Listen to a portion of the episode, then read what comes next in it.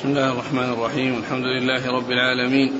الصلاة والسلام على عبد الله ورسوله نبينا محمد وعلى آله وصحبه أجمعين. أما بعد فيقول أمير المؤمنين في الحديث أبو عبد الله محمد بن إسماعيل البخاري رحمه الله تعالى يقول في كتابه الجامع الصحيح باب قول النبي صلى الله عليه وآله وسلم إنا بك لمحزونون. وقال ابن عمر رضي الله عنهما عن النبي صلى الله عليه وآله وسلم تدمع العين ويحزن القلب. قال حدثنا الحسن بن عبد العزيز. قال حدثنا يحيى بن حسان. قال حدثنا قريش. هو ابن حيان. عن ثابت عن أنس بن مالك رضي الله عنه أنه قال دخلنا مع رسول الله صلى الله عليه وآله وسلم على أبي سيف القين وكان ضئرا لإبراهيم عليه وكان ضئرا لإبراهيم فأخذ رسول الله صلى الله عليه وآله وسلم إبراهيم فقبله وشمه ثم دخلنا عليه بعد ذلك وإبراهيم يجود بنفسه فجعلت عينا رسول الله صلى الله عليه وآله وسلم تذرفان فقال له عبد الرحمن بن عوف رضي الله عنه وأنت يا رسول الله؟ فقال يا ابن عوف إنها رحمة ثم أتبعها بأخرى. فقال صلى الله عليه وآله وسلم إن العين تدمع والقلب يحزن ولا نقول إلا ما يرضى ربنا. وإنا بفراقك يا إبراهيم لمحزونون رواه موسى عن سليمان بن المغيرة عن ثابت عن أنس رضي الله عنه عن النبي صلى الله عليه وآله وسلم. بسم الله الرحمن الرحيم. الحمد لله رب العالمين وصلى الله وسلم وبارك على عبده ورسوله نبينا محمد وعلى آله وأصحابه أجمعين. أما بعد يقول الإمام البخاري رحمه الله باب قول النبي صلى الله عليه وسلم وإن بفراقك إنا بك لمحزونون. إنا بك لمحزونون. إنا بك لمحزونون. هذه الترجمة عقدها من أجل ما جاء في الحديث الذي فيه ذكر وفاة ابنه إبراهيم وأنه وأن النبي عليه وأنه دمعت عيناه وذرفت عيناه من البكاء وكان النبي صلى الله عليه وسلم ينهى عن البكاء فقال له عبد الرحمن بن عوف وأنت يا رسول الله؟ يعني تفعل هذا قال إنها رحمة. وقال إن العين تدمع وإن القلب يحزن ولا نقول إلا ما يرضى ربنا وإنا بفراقك يا إبراهيم لمحزونون. وهذا يدلنا على أن ما يحصل من عند وفاة القريب أو وفاة أحد يعز على الإنسان فقده أن أنه ما يحصل له من تأثر في القلب ودمع دمع للعين أن ذلك مما مما مما لا يؤثر وإنما الذي يؤثر أن يخرج صوت وأن يحصل نياحة هذا هو الذي لا يجوز. وأما بكاء العين وحزن القلب فإن هذا سائق ولا بأس به ولا محذور فيه ولا يؤاخذ عليه أحد وسيد الخلق عليه الصلاة والسلام حصل منه ذلك وهو القدوة والأسوة الحسنة. صلوات الله وسلامه وبركاته عليه. باب.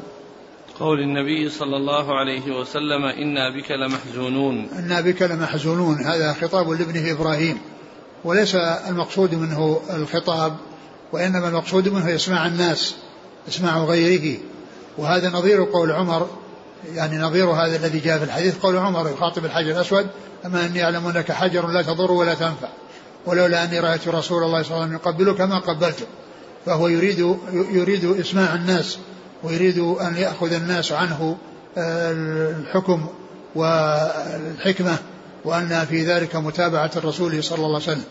فالرسول عليه الصلاة والسلام في هذا إنما يريد أن يعرف الناس هذا الحكم وأن يسمعوا منه هذا الكلام الذي فيه بيان أن مثل ذلك سائغ وأنه لا بأس به وأن الحزن على على المفقود سواء كان صغيرا أو كبيرا ولا ولا يحصل أكثر من الحزن ودمع دمع العين أن ذلك سائغ ولا بأس به نعم. وقال ابن عمر رضي الله عنهما عن النبي صلى الله عليه وسلم تدمع العين ويحزن القلب.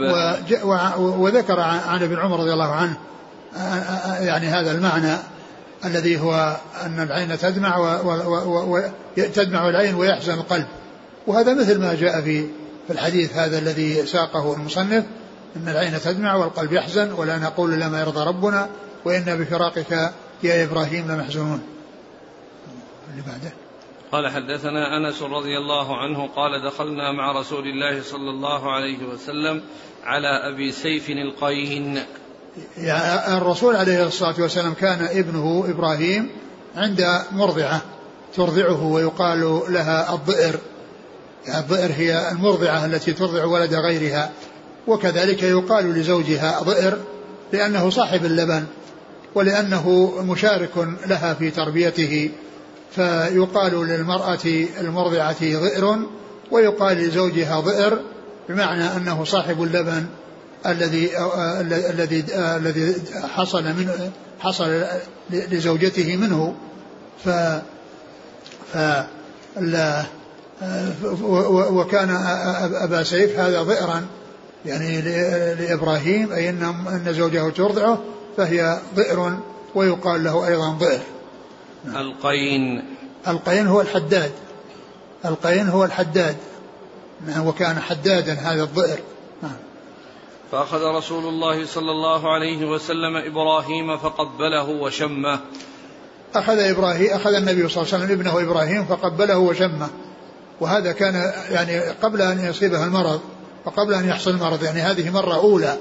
يعني زاره زيارة لولده الذي هو مرضع عند يعني هذا الرجل يعني في بيت هذا الرجل فزاره وقبله وشمه.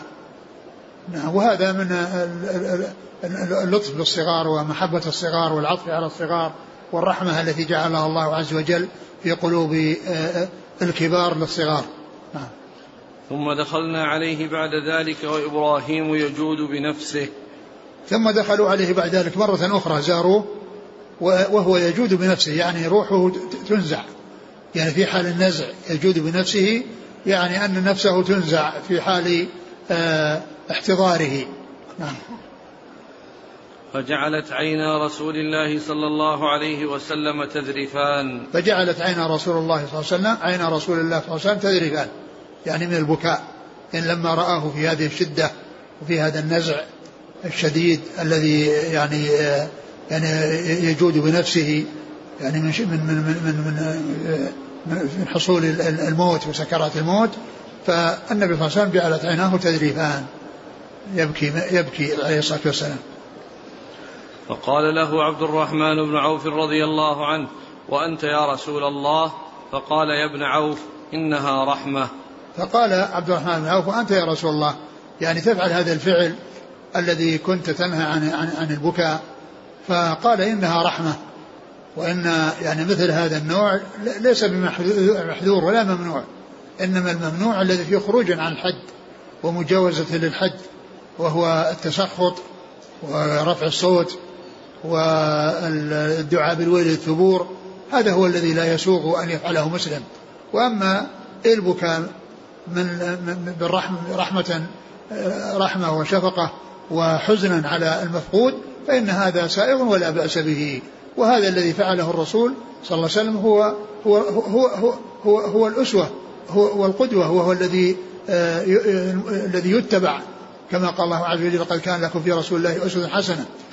لكن عبد الرحمن لما رأى منه هذا وقد كان ينهى عن البكاء قال وأنت يا رسول الله؟ قال إنها رحمة. ثم أتبعها بأخرى. ثم أتبعها بأخرى يعني أيضا حصل منه يعني الدمع مرة أخرى. فقال صلى الله عليه وسلم إن العين تدمع والقلب يحزن ولا نقول إلا ما يرضى ربنا وإنا بفراقك يا إبراهيم لمحزونون. فقال عليه الصلاة والسلام إن العين أن العين تدمع والقلب يحزن ولا نقول لا ما يرضى ربنا.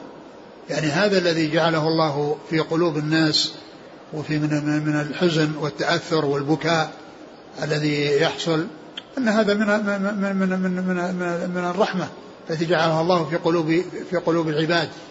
و ولا نقول إلا ما يرضى ربنا يعني أنه عند الكلام وعند التكلم والنطق بشيء لا يقال إلا ما يرضي الله عز وجل. بأن يقال إنا لله وإنا الله راجعون لله ما أخذ وله ما أعطى وكل شيء عنده بأجل مسمى. يعني لا يقال عند هذه المصيبة إلا ما يرضي الله عز وجل. لا يقال شيء يسخط الله كالدعاء بالويل والثبور أو غير ذلك من الأشياء أو آه، حصول يعني نياحة وإن لم يكن معها تويل ودعاء بالويل والثبور كل ذلك محذور. النياحة محرمة والدعاء بالويل والثبور ودعوى الدعاوى بدعوى الجاهلية كل ذلك من الأمور المحرمة. وإنما الذي يسوغ ويجوز هو من الفعل هو دمع العين وحزن القلب ومن القول الشيء الذي يرضي الله سبحانه وتعالى. قال حدثنا الحسن بن عبد العزيز نعم. عن يحيى بن حسان نعم. عن قريش هو ابن حيان. نعم. عن ثابت عن أنس. نعم. ثابت بن أسلم البناني. نعم. قال رواه موسى موسى بن إسماعيل التبوذكي. عن سليمان بن المغيرة. نعم. عن ثابت عن أنس. نعم. قال رحمه الله تعالى باب البكاء عند المريض. قال حدثنا أصبغ عن ابن وهب قال أخبرني عمرو عن سعيد بن الحارث الأنصاري عن عبد الله بن عمر رضي الله عنهما أنه قال اشتكى سعد بن عبادة رضي الله عنه شكوى له فأتاه النبي صلى الله عليه وآله وسلم يعوده مع عبد الرحمن بن عوف وسعد بن أبي وقاص وعبد الله بن مسعود رضي الله عنهم فلما دخل عليه فوجده في غاشية أهله فقال قد قضى؟ قالوا لا يا رسول الله. فبكى النبي صلى الله عليه وآله وسلم فلما رأى القوم بكاء النبي صلى الله عليه وآله وسلم بكوا فقال ألا تسمعون؟ إن الله لا يعذب بدمع العين ولا بحزن القلب ولكن يعذب بهذا. وأشار إلى لسانه أو يرحم وإن الميت يعذب ببكاء أهله عليه وكان عمر رضي الله عنه يضرب فيه بالعصا ويرمي بالحجارة ويحثي بالتراب. أعد عن أعد المتن. عن عبد الله بن عمر رضي الله عنهما أنه قال اشتكى سعد بن عبادة شكوى له فأتاه النبي صلى الله عليه وآله وسلم يعوده مع عبد الرحمن بن عوف وسعد بن أبي وقاص وعبد الله بن مسعود رضي الله عنهم فلما دخل عليه فوجده في غاشية أهله فقال قد قضى قالوا لا يا رسول الله فبكى النبي صلى الله عليه وآله وسلم فلما رأى القوم بكاء النبي صلى الله عليه وآله وسلم بكوا فقال ألا تسمعون؟ إن الله لا يعذب بدمع العين ولا بحزن القلب ولكن يعذب بهذا وأشار إلى لسانه أو يرحم. وإن الميت يعذب ببكاء أهله عليه. وكان عمر رضي الله عنه يضرب فيه بالعصا ويرمي بالحجارة ويحثي بالتراب. ثم ذكر باب البكاء عند المريض. يعني الذي لم يمت والذي هو في في في, في المرض. و يعني ليس البكاء يعني خاصا عند من مات أو الذي نزع خرجت روحه وإنما يكون قبل ذلك يعني عند المريض. ولهذا ترجم قال عند المريض لأن هذا الذي حصل في هذا الحديث كان يعني آه لا يزال في قيد الحياة ولم يحصل ولم تخرج تخرج روحه. الرسول عليه الصلاة والسلام لما مرض سعد بن عبادة وهو سيد سيد الخزرج سيد الخزرج لما لما لما مرض وحصل له شكوى يعني مرض لأنك يقال للمريض شاك ويقال حصل له شكوى يعني حصل له مرض. عاد هو معه جماعة من أصحابه. عاده ومعه جماعة من أصحابه. منهم؟ عبد الرحمن بن عوف وسعد بن أبي وقاص. منهم عبد الرحمن بن عوف وسعد بن أبي وقاص. وعبد الله بن مسعود. وعبد الله بن مسعود.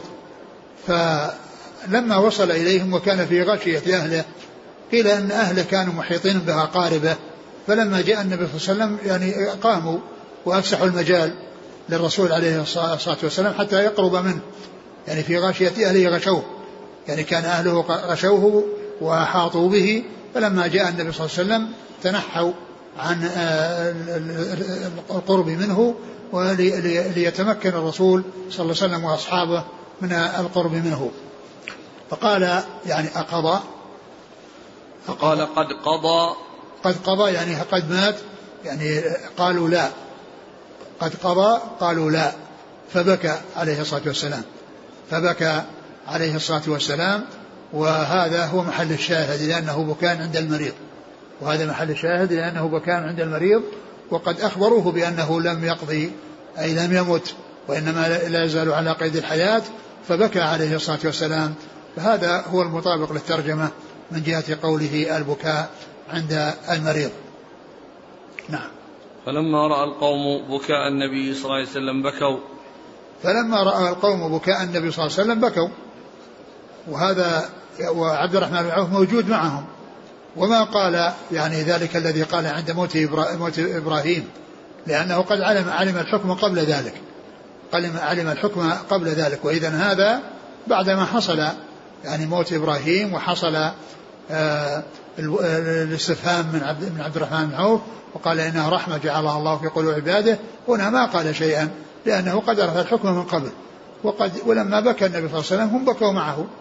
بكوا حصل منهم البكاء معه ومنهم عبد الرحمن بن عوف رضي الله تعالى عن الجميع. نعم. فقال ألا تسمعون إن الله لا يعذب بدمع العين ولا بحزن القلب ولكن يعذب بهذا وأشار إلى لسانه أو يرحم. ثم بين الحكم الشرعي في هذا وأن البكاء لا يعذب الله عليه وأنه لا يؤثر وإنما هذه رحمة جعلها الله في قلوب العباد وإنما الذي يؤثر اللسان وما يحصل منه من الصوت يعني من النياحة. هذا هو الذي الذي يعذب به أو يرحم. يعني وهذا معناه أن أن ما أن هذا ذنب والذنب داخل تحت مشيئة الله عز وجل إما أن يعذب وإما يرحم. لكنه إذا عذب لا يبقى المعذب في النار عندما يعذب من حصل منه المعصية وحصلت منه الكبيرة لا يخلده في النار وإنما يعذب ثم يخرج إلى يدخل الجنة. وقد آه، يرحمه الله عز وجل قبل أن يدخل يحصل له العذاب فيتوب عنه ويتوب عليه ويتجاوز عنه. كما قال الله عز وجل إن الله لا يغفر أن يشرك به ويغفر ما دون ذلك لمن يشاء. فكل ذنب دون الشرك فهو تحت مشيئة الله. إن شاء عفى عن صاحبه ولم يعذبه وإن شاء عذبه ولكنه لا يخلده. وإنما يعذب في النار على قدر جرمه ثم يخرج من النار ويدخل الجنة. نعم. وإن الميت وإنما يعذب على هذا. ولكن يعذب بهذا وأشار إلى لسانه أو يرحم. نعم. نعم. وإن الميت يعذب ببكاء أهله عليه. وإن الميت يعذب ببكاء أهله عليه. وقد سبق أن مر بنا يعني في الأبواب التي سبقت أن البخاري رحمه الله قال إذا كان من سنته يعني أنه كان يرضى بهذا الشيء أو يأمر به أو يعلم أن أهله يفعلونه وسكت يعني لأنه راض به. وأما إذا كان حصل منهم شيء فيعني هم الذين حصل منهم النياحة وهم الذين يؤاخذون على ذلك. والميت لا يؤاخذ يعني على ما يجري من غيره إلا إذا كان متسببا فيه إما بوصية أو آه، إبداء رغبة أو آه، علمه بأن هذا شأن أهله ومع ذلك لم ينههم. وكان عمر رضي الله عنه يضرب فيه بالعصا ويرمي بالحجارة ويحثي بالتراب. يعني هذه الأمور المنكرة كان يفعل في, في هذا الفعل. يعني كان يرمي بالعصا ويحصب بالحجارة ويحثو التراب. يعني على من يحصل منه آه، مثل هذا العمل الذي هو النياحة والتي هي آه، آه، حصول الصوت باللسان. نعم. سواء كانت نياحة يعني ليس معها كلام أو نياحة معها كلام يعني سيء. كالدعاء بالويل والثبور أو غير ذلك. قال حدثنا أصبغ ابن الفرج. عن ابن وهب. عبد الله بن وهب. عن عمرو عن عمرو. بن الحارث. عن سعيد بن الحارث الأنصاري. نعم. عن عبد الله بن عمر. نعم. قال رحمه الله تعالى باب ما ينهى عن النوح والبكاء والزجر عن ذلك. قال حدثنا محمد بن عبد الله بن حوشب. قال حدثنا عبد الوهاب قال حدثنا يحيى بن سعيد قال أخبرتني عمرة أنها قالت سمعت عائشة رضي الله عنها تقول لما جاء قتل زيد بن حارثة وجعفر وعبد الله بن رواحة رضي الله عنهم جلس النبي صلى الله عليه وآله وسلم يعرف فيه الحزن وأنا أطلع من شق الباب فأتاه رجل فقال يا رسول الله إن نساء جعفر وذكر بكاءهن. فأمره بأن ينهاهن فذهب الرجل ثم أتى فقال قد نهيتهن وذكر أنهن لم يطعنه فأمره الثانية أن ينهاهن فذهب ثم أتى فقال والله لقد غلبنني أو غلبننا الشك بن محمد بن حوشب. فزعمت أن النبي صلى الله عليه وسلم قال فاحث في أفواههن التراب. فقلت أرغم الله أنفك فوالله ما أنت بفاعل وما تركت رسول الله صلى الله عليه وسلم من العناء. ثم ذكر باب باب ما ينهى عن النوح والبكاء والزجر عن ذلك. باب ما ينهى من عن النوح والبكاء والزجر عن, عن ذلك. والزجر عن ذلك. ما ينهى عن عن النوح والبكاء. يعني البكاء الذي معه نياحة. وأما البكاء الخالي من النياحة فقد عرفنا الأدلة المتعددة على على أنه سائغ وأنه أنه لا محذور فيه وأنه قد فعله رسول الله صلى الله عليه وسلم. ثم قال والزجر من ذلك يعني معناه يعني ما يعني أن أن النهي حصل به زجر يعني وفيه وعيد. ف يعني فذكر الزجر هنا للتأكيد وأن النهي يعني معه زجر والزجر يعني أبلغ من مجرد النهي. الزجر يدل على معنى أكثر من معنى النهي وأنه نهي بزجر وبشدة وإغراض. ثم ذكر حديث عائشة رضي الله عنها الذي سبق أن مر في الأبواب السابقة وأن وأن الرسول عليه الصلاة والسلام لما حصل لما جاءه خبر قتل آه، زيد بن حارثة وجعفر بن أبي طالب وعبد الله بن رواحة رضي الله عنهم وهم الأمراء في غزوة غزوة مؤتة يعني آه، جلس عليه الصلاة والسلام ويظهر يظهر الحزن عليه.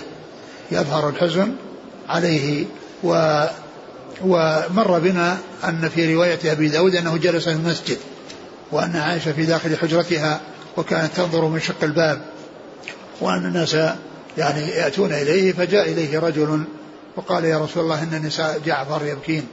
يعني جعفر بن أبي طالب يعني يبكين فقال يبكين نعم قال نعم. إن يبكين يعني بكاء نياحة يعني ليس مجرد بكاء. فقال اذهب فانهاهن فرجع ذهب ورجع وقال إنهن لم ينتهن لم يحصل انتهاءهن فقال اذهب فانهاهن ثم قال قالت عمرة فزعمت عائشة أن أن النبي زعمت عائشة أن قال فزعمت.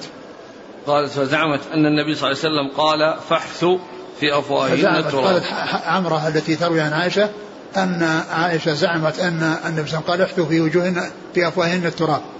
وهذا فيه زجر. وهذا يدل على الزجر بالفعل. والرسول صلى الله عليه وسلم أمر بذلك.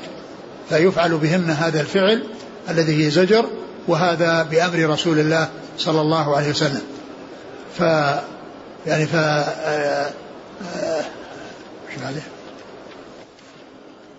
إيش بعد فزع فقلت أرغم الله أنفك فوالله نعم. ما أنت بفاعل يعني عائشة رضي الله عنها دعت عليه فقالت أرغم الله أنفك يعني أرغم الله أنفك بالتراب لأنك أمرت بأن تحثو التراب يعني في أفواههن ولم تفعل وإنما تتردد على الرسول صلى الله عليه وسلم ويحصل لك منه يحصل له منك العناء في في إيذائه وإخباره بهذا الخبر المحزن فأنت لم تفعل ما أمرك به رسول الله صلى الله عليه وسلم وهو أنك تحثو في افواههن التراب ولم تترك رسول الله صلى الله عليه وسلم من العناء والمشقة وهو التردد عليه وأنت تقول إنهن لم يفعلن وأنهن لم لم ينتهين.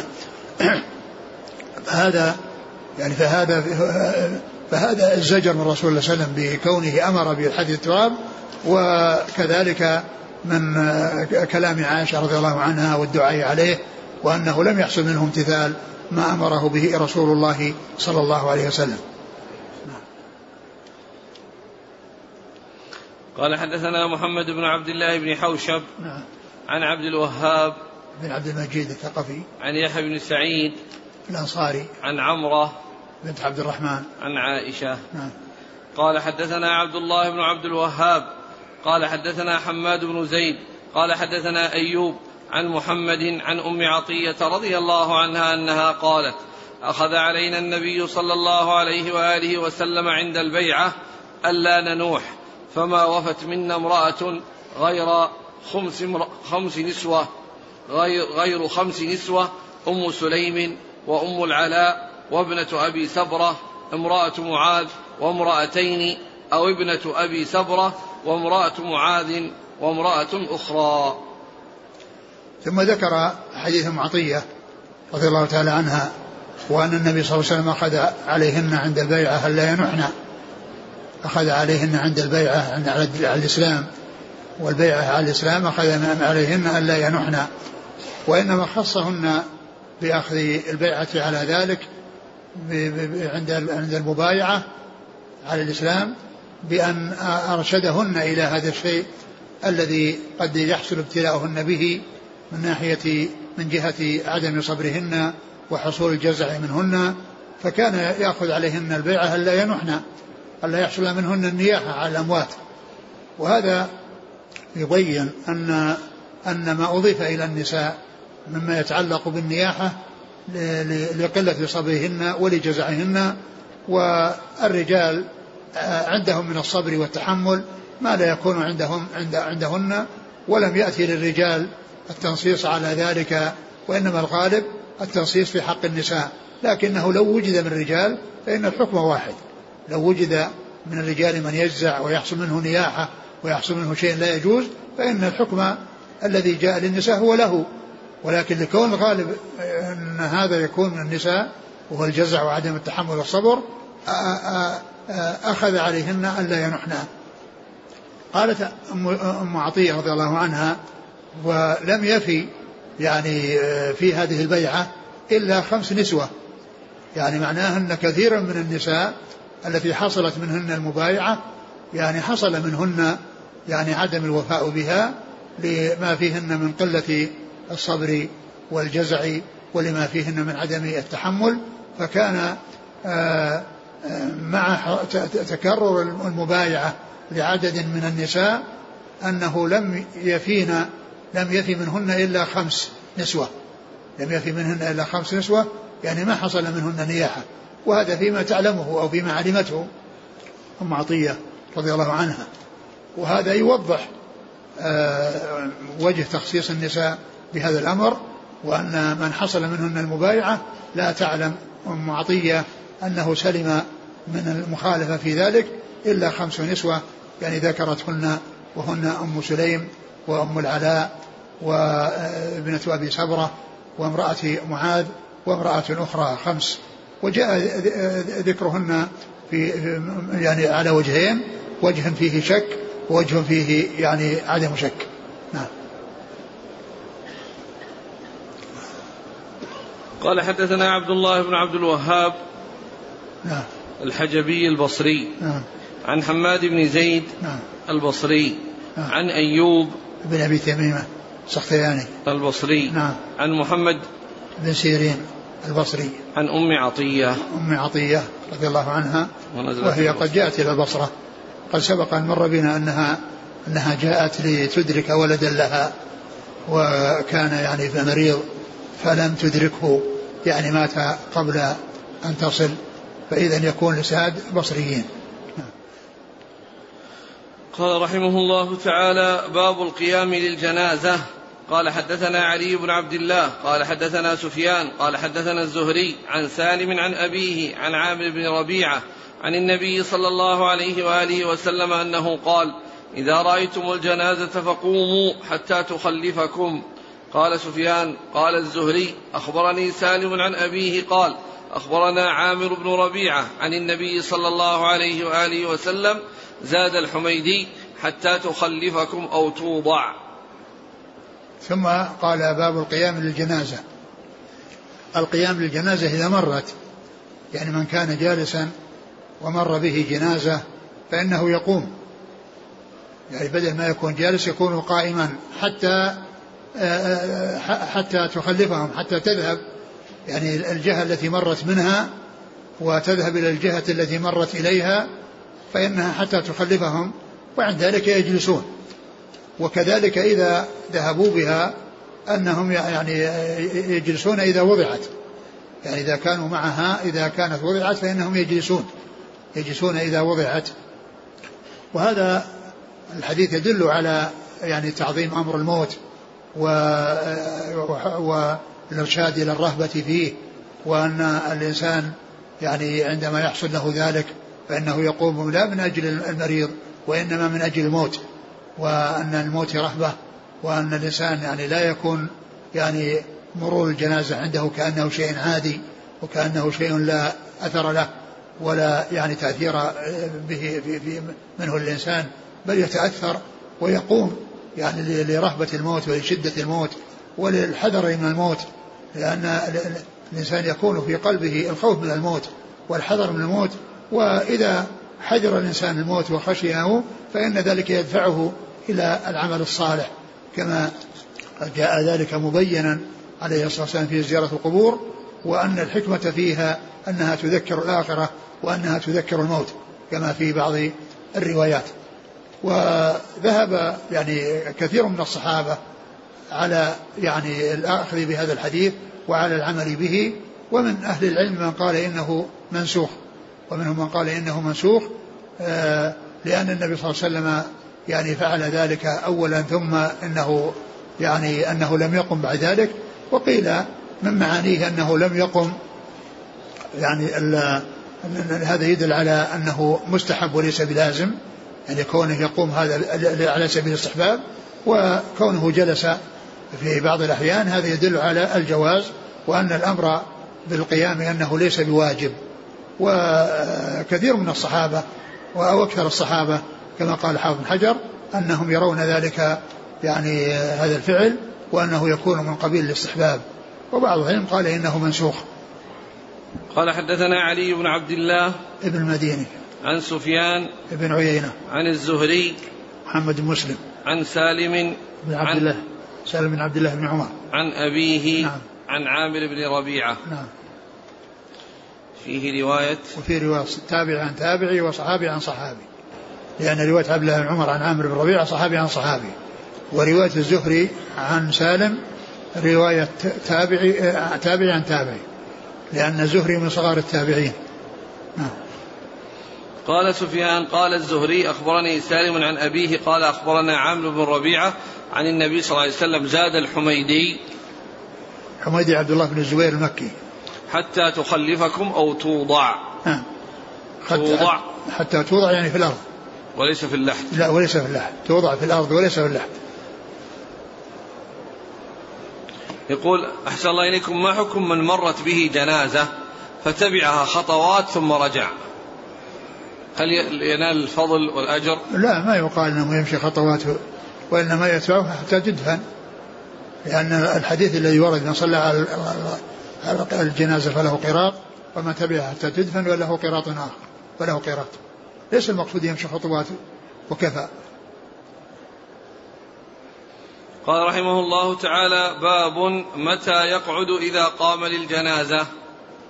قال حدثنا قتيبة بن سعيد قال حدثنا الليث عن نافع عن ابن عمر رضي الله عنهما عن عامر بن ربيعة رضي الله عنه عن النبي صلى الله عليه وآله وسلم أنه قال إذا رأى أحدكم جنازة فإن لم يكن ماشيا معها فليقم حتى يخلفها أو تخلفه أو توضع من قبل أن تخلفه. أعد أعد متن عن عامر بن ربيعة رضي الله عنه عن النبي صلى الله عليه وسلم أنه قال إذا رأى أحدكم جنازة فإن لم يكن ماشيا معها فليقم حتى يخلفها أو تخلفه أو توضع من قبل أن تخلفه. ثم قال باب متى يقعد؟ إذا قام للجنازة. إذا قام للجنازة. لأن الباب الأول يتعلق بالقيام للجنازة. وهنا بالقعود إذا قام. متى يقعد إذا قام؟ أورد حديث عبد عامر بن ربيعة رضي الله عنه وفيه أنه إذا إذا إذا مرت به بأحدكم جنازة فإن لم يكن فإن لم يكن تابع معها. يقول إذا رأى أحدكم جنازة نعم. فإن لم يكن ماشيا معها فليقم. حتى يعني أن أن القيام يكون من ممن لم يكن ماشيا معها وإنما كان جالسا فمرت به. جالسا فمرت به. فإنه عند ذلك يقوم ويقعد إذا يعني آه يعني آه آه خلفها إذا إذا إذا خلفته يعني ذهبت للجهة التي ذهب بها إليها حتى تخلفه أو, أو يخ... حتى يخلفها أو تخلفه. حتى يخلفها يعني كان يعني معناها أنه مشى يعني إلى جهة أخرى يعني يعني قام ولم يقعد وإنما مشى إلى جهة أخرى. أو تخلفه فإنه يجلس إذا خلفته وذهبت. نعم. أو توضع من قبل أن تخلفه. أو توضع يعني من قبل أن تخلفه يعني يكون المكان قريب. يعني المكان الذي يعني وضعت فيه قريب فإذا وضعت فإن له أن يجلس والذين معها أيضا يجلسون. قال حدثنا قتيبة بن سعيد عن الليث. بن سعد. عن نافع عن ابن عمر. نعم. إذا كان الميت كافرا فهل يشرع القيام لجنازته؟ وجاء في بعض الروايات ذلك وأن الرسول وأن الرسول صلى الله عليه وسلم قام يعني لجنازة كافر ويعني وذلك ليس من أجل الكافر وإنما من أجل الموت كما عرف من أجل رهبة الموت وشدة الموت وتذكر الموت. ولهذا الكفار يعني يزارون ولكن لا يدعى لهم. كل ذلك لتذكر الموت. وتتبع جنائزهم؟ لا تتبع جنائزهم. أقول لا تتبع جنائزهم وإنما يعني يقام للرهبة. ولا تتبع جنائزهم إلا يعني إذا كان ما في أحد يواريهم ولا ما في أحد من الكفار يواريهم فإن فإن المسلمون يوارونه ويدفنونه. لكن لا تتبع الجنائز. يقول في بلدنا إذا مرت الجنازة في الشوارع فينزل بعض أصحاب السيارات من سيارته ويقف حتى تمر الجنازة. هل هذا سائغ؟ الذي يعني يبدو أن مثل هذا لا يقال أنه ينزل ويقف ولكنه يقف ويعني يبقى في سيارته لأن يعني هذا مثل الراكب مثل الراكب اللي راكب دابة ما ينزل من الدابة يعني لكنه يقف يقف على دابته. فهذا السيارة مثل الدابة التي قالوا انها إنه يقف ولا ينزل. يعني بدل ما يمشي يكون واقف. والجالس يقوم. الجالس يقوم والراكب يقف. فكذلك راكب السيارة يقف كما يقف راكب الدابة. قال حدثنا أحمد بن يونس قال حدثنا ابن أبي ذئب عن سعيد المقبري عن أبيه قال كنا في جنازة فأخذ أبو هريرة رضي الله عنه بيد مروان فجلسا قبل أن توضع فجاء أبو سعيد رضي الله عنه فأخذ بيد مروان فقال قم فوالله لقد علم هذا أن النبي صلى الله عليه وآله وسلم نهانا عن ذلك فقال أبو هريرة صدق أعد عن عن سعيد المقبوري عن أبيه نعم. قال كنا في جنازة. فأخذ أبو هريرة رضي الله عنه بيد مروان فجلس قبل أن توضع. فجاء أبو سعيد رضي الله عنه فأخذ بيد مروان فقال قم فوالله لقد علم هذا أن النبي صلى الله عليه وسلم نهانا عن ذلك. فقال أبو هريرة صدق. ثم ذكر باب. نفس الباب متى يقعد متى يقعد؟ وإذا قام نعم الجنازة. يعني إلا آه يعني ذكر هذا الحديث عن عن سعيد أبي سعيد المقبري أن أن مروان بن الحكم كان في جنازة وأن معه معه أبو هريرة رضي الله عنه وأنهما جلسا يعني قبل أن توضع فجاء أبو سعيد وقال لمروان قم فقد علم هذا أن علم هذا أنه أن النبي صلى الله عليه وسلم نهانا عن ذلك. نعم أن النبي نهانا عن ذلك عن الجلوس حتى توضع. فقال أبو هريرة صدق يعني أن النبي نهى عن ذلك. لكن الذي حصل من أبي هريرة يعني يدل على أنه ليس بلازم وأنه من, من, من قبيل المستحب وأنه ليس من الأشياء اللازمة الواجبة المتعينة. على هذا يحمل ما حصل من أبي هريرة رضي الله تعالى عنه. نعم. قال حدثنا أحمد بن يونس هو أحمد بن عبد الله بن يونس. هذا الذي وصفه الإمام أحمد بأنه شيخ الإسلام. هذا الذي قال عنه الإمام أحمد شيخ الإسلام. وهذا لقب من من من من من, من, من, مراتب التعديل الرفيعة العالية. كونه يوصف بأنه شيخ الإسلام. وهذا موجود عند عند السلف المتقدمين. بخلاف يعني ما قاله بعض المتكلفين في هذا الزمان الحاقدين على شيخ الإسلام ابن تيمية وكونه يوصف بأنه شيخ الإسلام ويقال لشيخ الإسلام وقد يعني وقد ساءه ذلك يعني هذا الشيء موجود عند المتقدمين عند عند سلف هذه الأمة. أحمد بن يونس قال عنه الإمام أحمد إنه شيخ الإسلام. عن ابن أبي ذئب. وهو محمد بن عبد الرحمن. عن سعيد المقبوري نعم. عن أبيه نعم. عن أبي هريرة وأبي سعيد. نعم. قال باب قال رحمه الله تعالى باب من تبع جنازة فلا يقعد حتى توضع عن مناكب الرجال فإن قعد أمر بالقيام. قال حدثنا مسلم يعني ابن إبراهيم. قال حدثنا هشام. قال حدثنا يحيى. عن أبي سلمة عن أبي سعيد الخدري رضي الله عنه. عن النبي صلى الله عليه وآله وسلم أنه قال إذا رأيتم الجنازة فقوموا فمن تبعها فلا يقعد حتى توضع. ثم قال باب من تبع جنازة فلا يقعد حتى توضع عن مناكب الرجال فإن قعد أمر بالقيام. باب من تبع جنازة فلا يقعد حتى توضع عن مناكب الرجال ومن قام ومن قعد فإنه يقوم. أمر أمر بالقيام ومن قعد أمر بالقيام. هذه الترجمة يعني أعاد فيها حديث أبي سعيد رضي الله تعالى عنه المتقدم آه، في قصة آه، مروان وأبي هريرة وأن وأن وأن أبا سعيد قال قال إذا قال أبو سعيد رضي الله عنه قال رسول قال إذا رأيتم الجنازة فقوموا إذا رأيتم الجنازة فقوموا و ومن تبعها فلا يقعد حتى توضع. ومن ومن تبعها فلا يقعد حتى توضع. فلا يقعد حتى توضع. هذا قول الرسول عليه الصلاة والسلام. يتبع يعني إن تبعها فإنه لا يقعد. وإذا كان جالسا يقوم ثم يقعد. وإذا كان ليس تابعا لها فهذا شأنه. وأما إذا كان تابعا لها فإنه يستمر قائما حتى توضع على توضع من من أكتاف الرجال وتوضع على الأرض. ولكن آه ذكر كون عمر بالقيام هو في الحديث المتقدم الذي قال فيه أبو سعيد لمروان قم. فقد علم هذا يعني أبا هريرة أن النبي صلى الله عليه وسلم نهى عن ذلك. قال حدثنا مسلم يعني ابن إبراهيم نعم.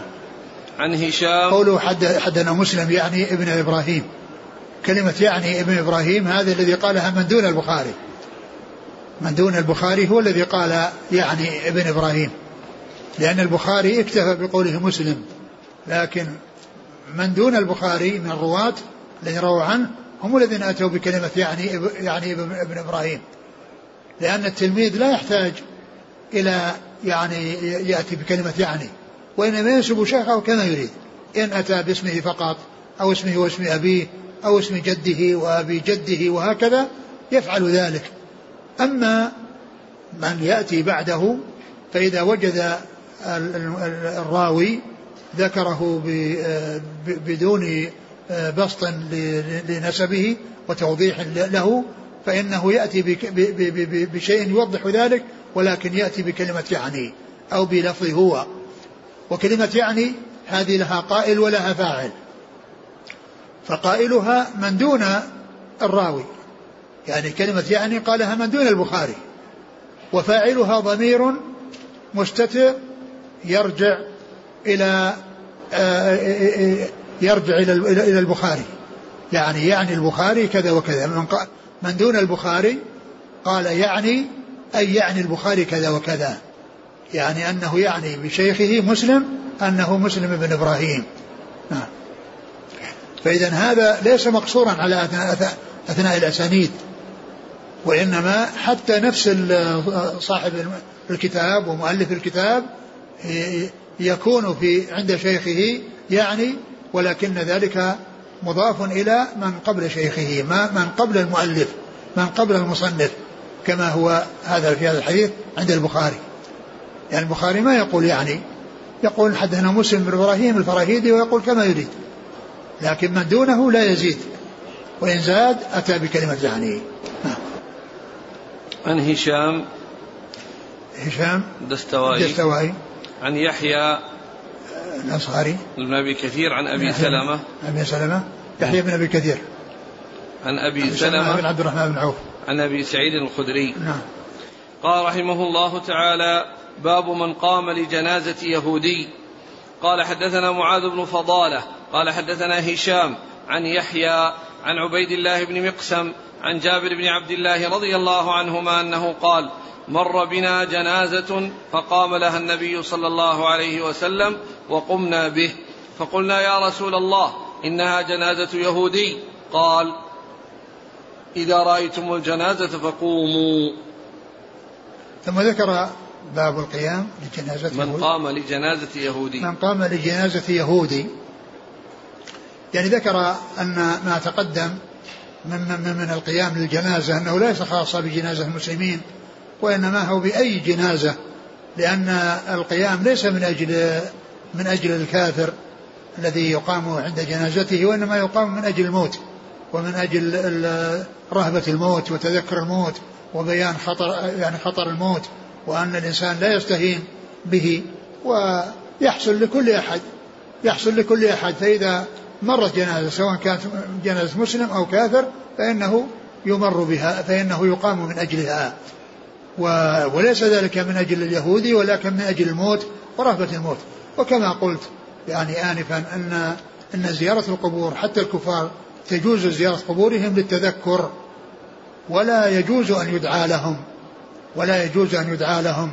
وإنما تزار قبور الكفار للتذكر إذا زيرت نعم. قال جابر مر بنا جنازة فقام لها النبي صلى الله عليه وسلم وقمنا به. فقمنا به يعني معه بسببه أو بسبب قيامه. نعم. فقلنا يا رسول الله إنها جنازة يهودي. فقال إذا رأيتم الجنازة فقوموا. أيوه هذا عام. أي جنازة. نعم. لأن المقصود تذكر الموت. نعم.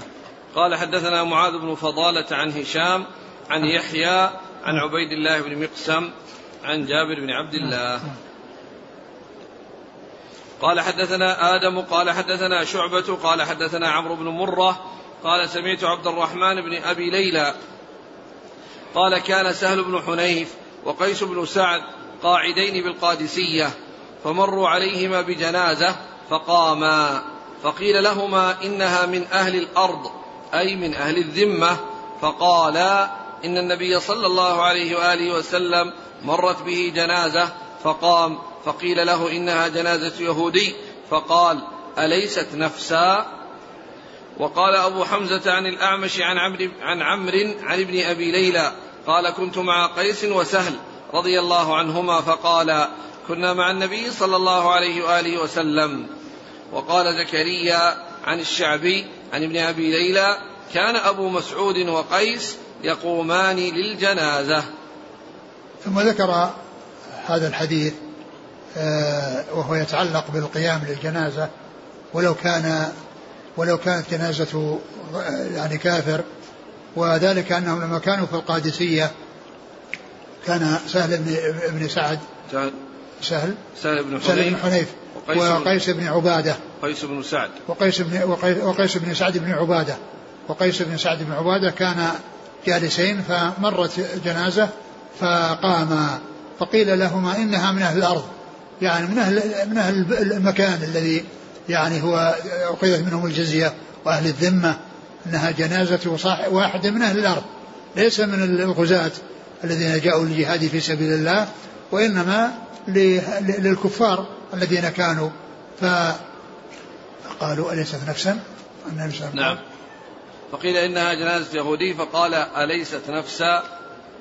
نعم يعني استدلوا بما جاء عن النبي صلى الله عليه وسلم أنه قام لجنازة يهودي وأنه قيل له فقال أليست نفسا؟ أي أليست نفسا؟ قبضت. أليست نفسا يعني حصل لها الموت؟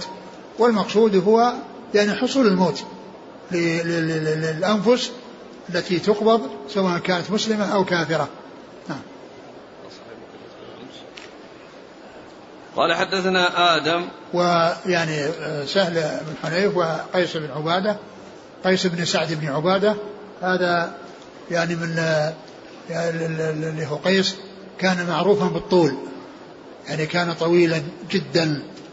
وكان يعني آه يعني ذكر له أو قيل له إن رجلا من الروم يعني يقول إنه إنه طويل وأنه ليس احد يطاوله فقيل له في ذلك فأعطاهم سراويله وقال أعطوه يلبسها فلبسها فوصلت إلى حلقه.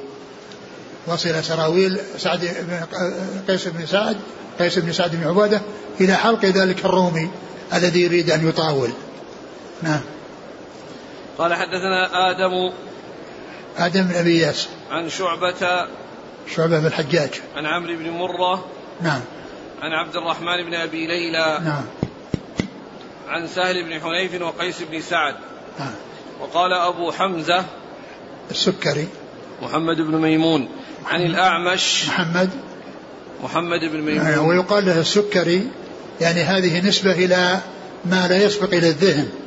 لأن الذي يسبق إلى الذهن أنه يصنع السكر أو يبيع السكر. ولكنه ليس كذلك وإنما كان حلو المنطق. كلامه سكر كما يقولون. كلامه حسن. يعني يوصف بأنه سكر يعني مثل السكر بالحلاوة. يعني فهذه نسبة إلى غير ما يسبق إلى الذهن مثل خالد الحذاء. ليس حذاء ولا يبيع الأحذية. ولكنه كان يجلس عند الحذائين. يجلس عند الحذائين فقيل له الحذاء. وهذا ليس بايعا للسكر ولا يعني يعني صانعا له وإنما كان حلو المنطق وحلو حلو الكلام فلهذا قيل له السكري. نعم. عن الأعمش عن عمرو عن ابن أبي ليلى. نعم.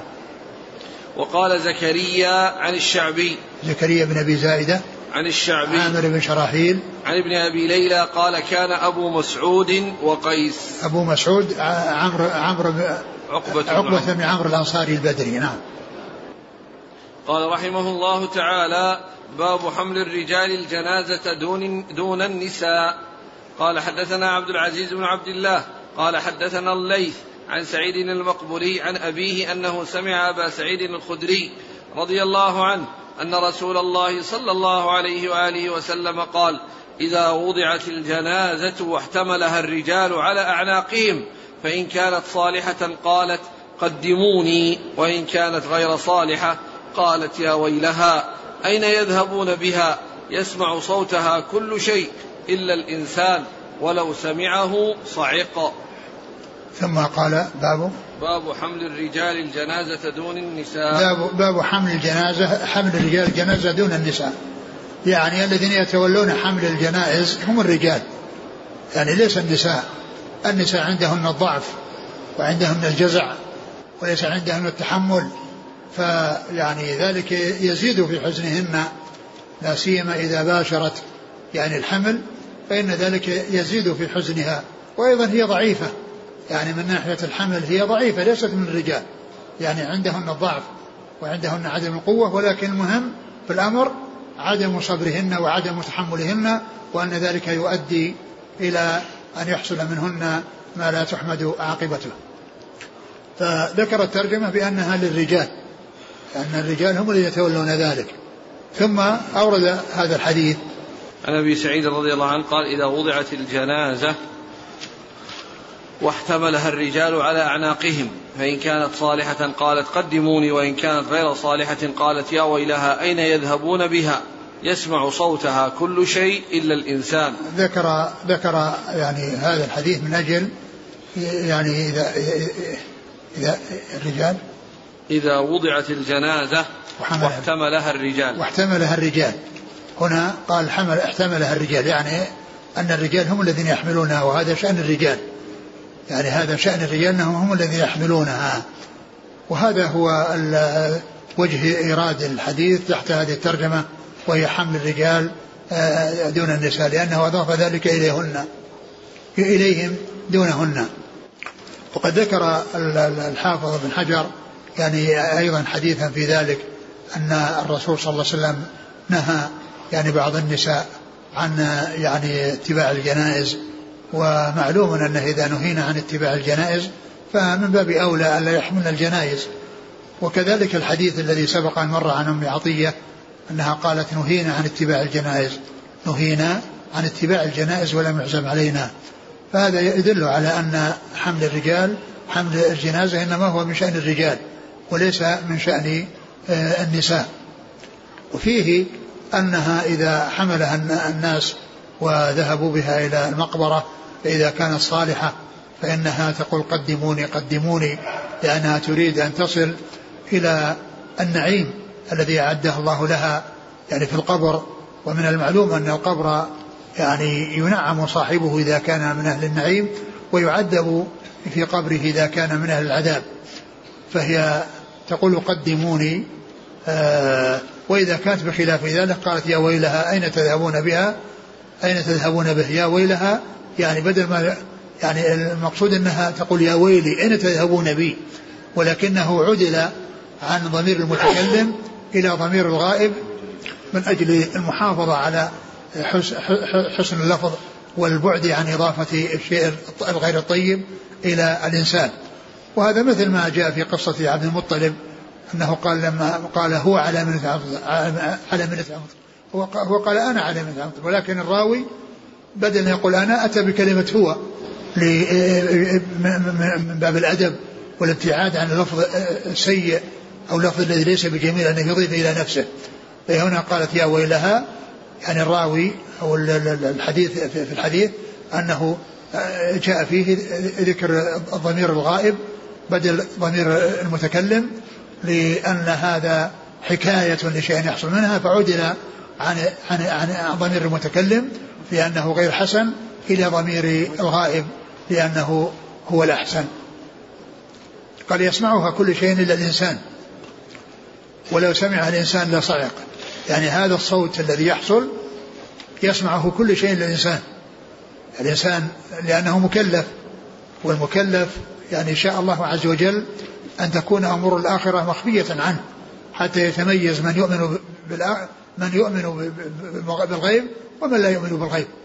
من يؤمن بالغيب ومن لا يؤمن. لأن لو كانت أمور الدنيا على الآخرة علانية وأمور القبر علانية وأمور ما يجري في القبر علانية لا ما حصل تمييز بين من يؤمن بالغيب ومن لا يؤمن بالغيب. ولهذا جاء النبي صلى الله عليه وسلم في الحديث الذي رواه مسلم في صحيحه لولا أن لا تدافنوا لدعوت الله أن يسمعكم من عذاب القبر ما أسمع. لولا أن لا تدافنوا لدعوت الله أن يسمعكم من من عذاب القبر ما أسمع. قال ولو سمع الإنسان لصعق.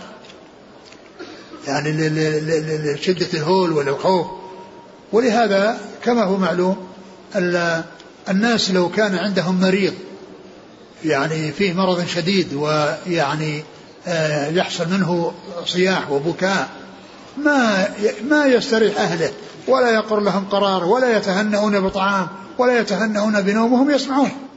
وهذا شيء في الدنيا. فكيف بما يحصل في أمور الآخرة التي يعني امور الغيب التي يعني شأنها عظيم وخطرها كبير؟ فإن كان صالحات يقدموني. وإن كانت غير ذلك قيل يا, يا قالت يا ويلها أين تذهبون بها؟ يسمع صوتها كل إنسان كل شيء إلا الإنسان ولو سمع الإنسان لصعق. نعم. قال حدثنا عبد العزيز بن عبد الله الأويسي. عن الليث بن سعد. عن سعيد المقبوري عن أبيه عن أبي سعيد. نعم. قال رحمه الله تعالى باب السرعة بالجنازة. والله تعالى أعلم وصلى الله وسلم وبارك على عبده ورسوله نبينا محمد وعلى آله وأصحابه أجمعين. جزاكم الله خيرا وبارك الله فيكم. ألهمكم الله الصواب ووفقكم للحق. شفاكم الله وعافاكم ونفعنا الله ما سمعنا. غفر الله لنا ولكم وللمسلمين أجمعين. آمين. يقول السائل ما حكم القراءة على حجر أو تربة ونضعها فوق قبر الميت بعد دفنه؟ القراءة؟ على حجر أو تربة ونضعها فوق قبر الميت بعد دفنه. أقول هذا لا يجوز. ما جاء شيء يدل عليه. يعني يقرأ على حجر من أجل يوضع. هذا هذا ليس ليس له أس ليس له أساس وليس له أصل. يقول إذا مات شخص يقولون ذهب إلى مثواه الأخير. هل هذه اللفظة صحيحة؟ آه، مثواه الأخير. معلوم أن الآخرة يعني هي يعني حالات ليست حالا واحدة. لكنها كلها متفقة في كونها من الآخرة من حين يموت الإنسان انتقل من الدار الدنيا إلى الدار الآخرة. والقبر أول منزل من منازل الآخرة. ولكن النهاية هي دخول دخول الجنة أو دخول النار. والبقاء يعني فيهما أو الخروج منها لكن كونها آه، آه، آه، كونها من أحوال الآخرة وأنها انتقل من الدار الدنيا إلى الدار الآخرة فهو من ناحية أنه يعني ليس من الدنيا نعم انتقل إلى مثوى الأخير لكن من ناحية حالات الآخرة لا يقال أن هذا أول شيء في الآخرة أن هذا يعني آخر شيء في الآخرة بل هذا أول شيء في الآخرة أول منازل الآخرة. ثم بعد ذلك الحساب والصراط والميزان والجنة والنار. فآخر شيء يكون به الاستقرار والدوام هو الجنة والنار. قوله فحث أو زعمت أنه قال فحث في وجوههن التراب أو أفواههن. هل الحث في وجوه النائحات التراب؟ هل هذا مشروع؟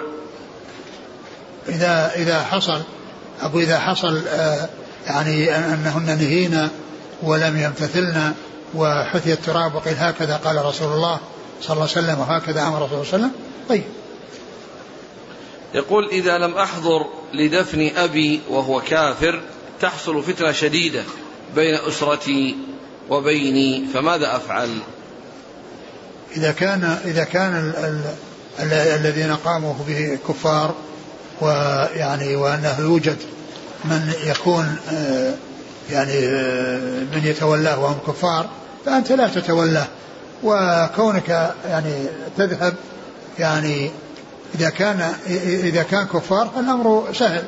يعني أنت امتثل ما جاء به دينك ولا يضرك أن الكفار يعني يغضبون أو وإنما بين لهم أن هذا حكم الدين وأن الإنسان لا يعني بريء من بريء من المشركين وبريء من الكفار يعني في الحياة وبعد الممات. جزاكم الله خيرا. سبحانك اللهم وبحمدك نشهد أن لا إله إلا أنت نستغفرك